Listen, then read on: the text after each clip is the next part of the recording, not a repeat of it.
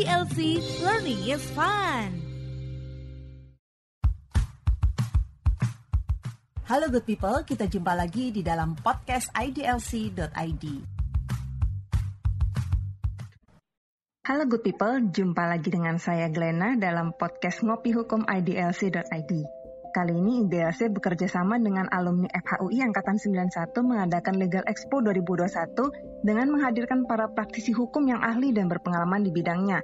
Pastinya untuk ngobrolin tentang topik-topik seputar hukum. Nah, kesempatan kali ini kita akan ngobrol dengan Mbak Arini Widowati. Beliau ini sudah berpengalaman selama lebih dari 25 tahun di bidang hukum.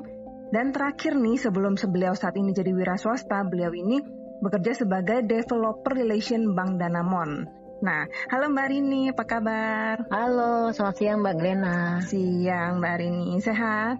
Sehat, Alhamdulillah. Waduh, sekarang uh, ini ya, apa namanya Mbak Rini udah jadi wira swasta ya, padahal sebelumnya pengalamannya banyaknya di ini developer relationship ya di bank ya. Iya, saya dulu lulus dari FHUI terus masuk ke bank 25 hmm. tahun barusan resign sih. Hmm, waduh, 25 tahun kayaknya uh, enough gitu ya Mbak ya perasaannya ya. waduh, selama cukup lah. 25 tahun ini pasti pengalamannya udah banyak banget dong ya Mbak ya. Nah, ini sekarang aku pengen ngobrol tentang kerjasama pembiayaan bank dengan developer. Boleh, nah, iya. itu kan pas tepat banget nih uh, apa ekspertisnya Mbak Rini nih.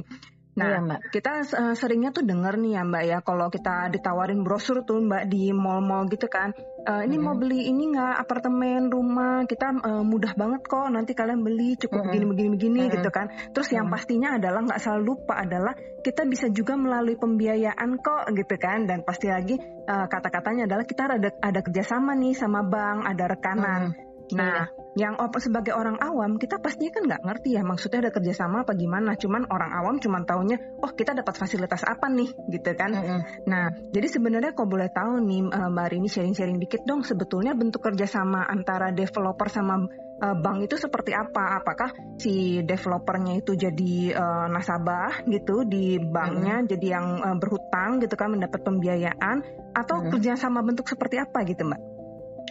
Kalau yang uh, untuk ini kan KPR ya, pembiayaan KPR atau kalau apartemen berarti KPA gitu. Jadi pembiayaan dari bank itu sebenarnya um, bukan melalui developer tapi langsung ke debitur. Hmm, uh, langsung end user ya berarti ya? ya? End user langsung KPR ya, gitu. Cuma karena yang mau dibeli sama si calon debitur ini adalah rumah atau apartemen yang biasanya kan kalau sekarang tuh mereka uh, kondisinya untuk uh, apa waktu jual itu kan belum mm -hmm. ada rumahnya Iya, sering kosong. kita dibilang adalah iya. jual gambar gitu ya Mbak ya. Jual gambar aja, mm -hmm. mereka cuma jualan kayak gambar pakai brosur.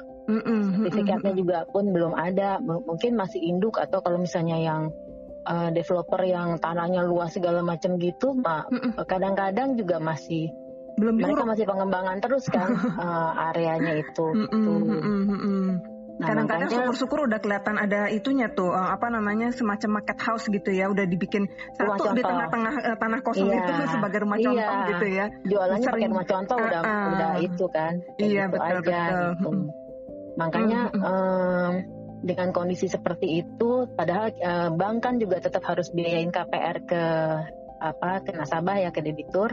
Mm-hmm. Makanya jalan tengahnya gimana? Kerjasamanya tetap uh, pembiayaan tapi uh, rumah yang mau dibeli karena belum ada, jadi inden kan rumah inden, mm-hmm. sehingga ada perlu ada uh, banknya secure merasa secure untuk pembiayaan ke developer, jadi kerjasama. Jadi mm-hmm. um, kerjasamanya tuh bentuknya sebenarnya uh, pencairannya kan juga nanti akan bertahap ya pencairannya bertahap terus uh, apa namanya uh, gimana ya ngomongnya ya? Berarti si uh, developer ini menjadi uh, apa namanya bukan nggak ya? menjadi nggak menjadi debitur uh, ya? bukan bukan uh, partner jadi ya jadi posisinya di sini iya, ya hmm, iya iya gitu, Oh oke, okay. nah sebetulnya memang betul yang Mbak Arini bilang itu ya karena terus terang misalnya nih aku nih sebagai contohnya orang yang mau beli mm -hmm. nih ya, kalau aku tiba-tiba disuruh beli tanah kosong gitu, waduh ntar uh, rumah hmm. gue di titik sebelah mana gitu kan, ntar jadinya iya. bener apa enggak gitu kan. Iya. Pastinya walaupun kita punya uh, tanda kutip cash keras untuk membeli, tapi kita kan khawatir ya Mbak ya, uh, hmm. apa kita uh, mau beli sesuatu tapi nggak punya kayak semacam third party yang menjamin gitu ya betul, bahwa itu betul. bener nggak sih rumahnya ini akan dibangun gitu kan, hmm. bener nggak sih ini hmm. developernya, paling nggak kalau misalnya developer ini kerjasama dengan bank, paling tidak ada sedikit uh, ini ya verifikasi uh, sudah dianalisa ya. Iya, nah. sudah dianalisa sama bank kan mm -mm, untuk proyeknya mm -mm. sama developernya itu udah eh, nggak uh, sembarangan gitulah ya. Mm -mm, Jadi buat mm -mm. buat si pembeli, buat si debitur itu juga memang lebih aman kalau um, beli apa rumah uh, mm -hmm. di sini melalui KPR ya mm -hmm. dengan developer yang kerjasama dengan bank. Kalau rata-rata sekarang sih memang developer kerjasama dengan bank ya karena kondisi kayak gitu mereka nggak bisa jual langsung gitu kan pembeli juga uh, apa takut ya kan Mm-mm, betul betul. Belum gitu. lagi terkait sama ada ketentuan bahwa uh, ini ya uh, undang-undang uh, tentang uh, ini ya perumahan gitu nggak boleh dijual mm-hmm. dalam bentuk dia benar-benar tanah kosong gitu ya? Iya, iya itu ada aturannya sih. Mm-mm, nah itu jadi sebetulnya saling melindungi ya. Nah berarti dari sisi seperti ini dari sisi developer pun misalnya ya dia udah hmm. uh, punya orang yang beli tapi terus dia kan juga khawatir ya pastinya ya kalau misalnya kita cuma sekedar naruh DP tapi terus nggak mau bayar lagi itu kan gantung juga kan jadinya hmm. kan hmm. nah itu berarti hmm. harusnya ada jaminan juga dong ya dari segi developernya menjamin bahwa si nasabah ini atau si pembeli ini nggak akan tiba-tiba mangkir gitu aja gitu kan ya mbak ya jaminan bahwa si pembelinya tidak akan mangkir hmm. ya kan nanti e, kalau misalnya KPR prosesnya tetap kerjasama apa kerjasama uh, analisanya si debiturnya dianalisa seperti biasa, mm, uh, kan dilihat kemampuan bayarnya bagaimana segala macam dari umur dari apa segala gitu. Mm, nah terus kalau si kerjasama dengan developernya dari segi uh, rumah yang mau dibelinya gitu. Mm, mm, Jadi sebetulnya ini win-win solution ya buat semua iya. pihak iya. ya jadinya ya. Iya. Nah iya. sebetulnya benefit yang diperoleh dari bank ataupun dari uh, kita tadi dari tadi bicara tentang si pembeli sama si developer. Benefit dari mm -hmm. bank dengan kerjasama uh, seperti ini tuh apa sih uh, buat banknya sendiri sebetulnya?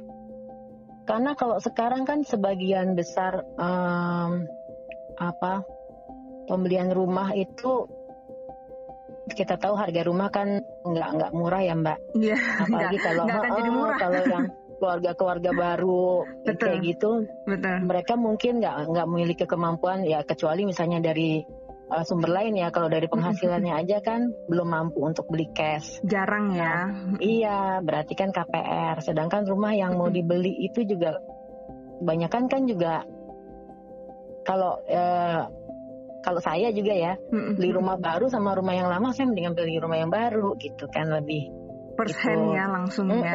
Nah itu kan padahal kalau rumah yang uh, baru-baru itu mereka developer yang jual ya, sedangkan mm-hmm. itu tadi inden kondisinya kayak gitu. Hmm, iya iya iya betul betul. Nah terus uh, dalam dalam kondisi seperti ini nih biasanya uh, apa namanya si developernya ada ngasih jaminan tertentu nggak sih ke bank misalnya contohnya uh, ngasih uh, jaminan berupa si ini proyek yang lagi dibangun kah atau mm-hmm. ada buyback garansi kah misalnya kalau sampai terjadi si uh, nasabah ini mangkir gitu si developer mm-hmm. yang akan menjamin atau gimana gitu mbak? Iya biasanya pakai buyback mbak, mm. pakai buyback garansi uh, karena kalau um, dulu pernah ada aturan yang harus uh, apa uh, laporan keuangan segala macam ada jaminan kasih developer kasih agunan ke bank tapi itu nggak jalan. Jadi buyback aja sih. Hmm. buyback garansi dari developer. Selama biasanya sih ini beda-beda ya uh, masing-masing developer tergantung dari uh, bentuk kerjasamanya. Uh, biasanya sih sampai dengan APHT hmm. APHT terpasang sudah selesai buybacknya gitu Hmm, jadi sampai si uh, apa namanya si nasabah udah megang sertifikat, udah bisa mm-hmm. meng-APHT-kan berarti buybacknya berhenti tuh pada saat itu iya, gitu ya. Iya. Oh, oke okay, oke. Okay. Jadi ini sebagai ini juga ya apa jaminan dari developer juga bahwa mereka akan ngurusin surat itu sampai keluar karena mereka iya, pastinya maunya ada eh, buyback uh, buybacknya lepas ya. Ah, uh, uh, betul betul supaya kewajiban mereka juga mulai berhenti ya istilahnya lah ini rumah yang nantinya dibangun juga jadinya punya siapa tapi terus mm-hmm. yang tetap ngejamin mereka terus gitu ya. Iya betul mbak. Mm-hmm. Waduh menarik menarik.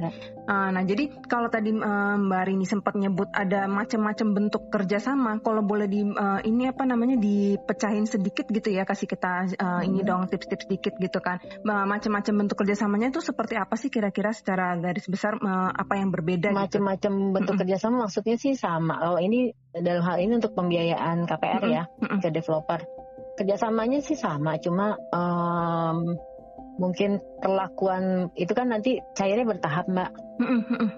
Cairnya bertahap itu biasanya kalau dia sudah fondasi atau sudah naik atap, nah, fondasi berapa persen, naik atap berapa persen, terus sertifikatnya uh, apa sudah AJB berapa persen gitu. Nah itu maksudnya mm. bedanya sih di situ aja gitu. Oh. Tergantung analisa bank terhadap developernya itu gitu. Oh oke. Okay. Keyakinannya bank itu. Oke, berarti walaupun uh, dari segi saya misalnya contohnya sebagai si pembeli mm-hmm. nih ya, dari saya mah cuma taunya pokoknya saya udah akad sama bank, udah mm-hmm. uh, pembiayaan untuk beli rumah ini, masalah pencairan ke developernya itu yang disepakati gitu ya antara iya, bank sama betul. developer ya. Oh, iya, oke oke. Kan waktu pengikatan itu ya seperti biasa si uh, hutangnya si debitur ya memang sudah 100% sekian gitu kan misalnya. 100 juta ya udah 100 juta walaupun si banknya belum uh, cairin 100 jutanya itu uh, ke developer. ke developer oh, gitu. Oh, oke okay, oke. Okay. Jadi oke okay, paham, paham. si debitur tetap 100 juta. Hmm, nah, jadi begitu ya teman-teman yang dimaksud dengan kerjasama itu ternyata antara bank sama developernya punya kerjasama tentang tahapan pencairannya. Nah, jadi sebagai dari sisi uh, kita sebagai seorang uh, end user atau nasabah yang kita mencicil ke bank ya berarti kita tetap jalanin aja seperti biasa kewajiban kita uh, KPR gitu. Jadi kita tetap uh, nyicil setiap bulan gitu ya Mbak ya walaupun kita nggak tahu nanti masalah pembayaran antara bank dan developernya itu mm-hmm. ya itu urusan uh, kerja sama kesepakatan tadi iya, itu ya Mbak ya. ada kesepakatan lagi. Hmm, wah oke okay, oke okay. waduh menarik banget nih Mbak ceritanya nih ngobrol-ngobrol.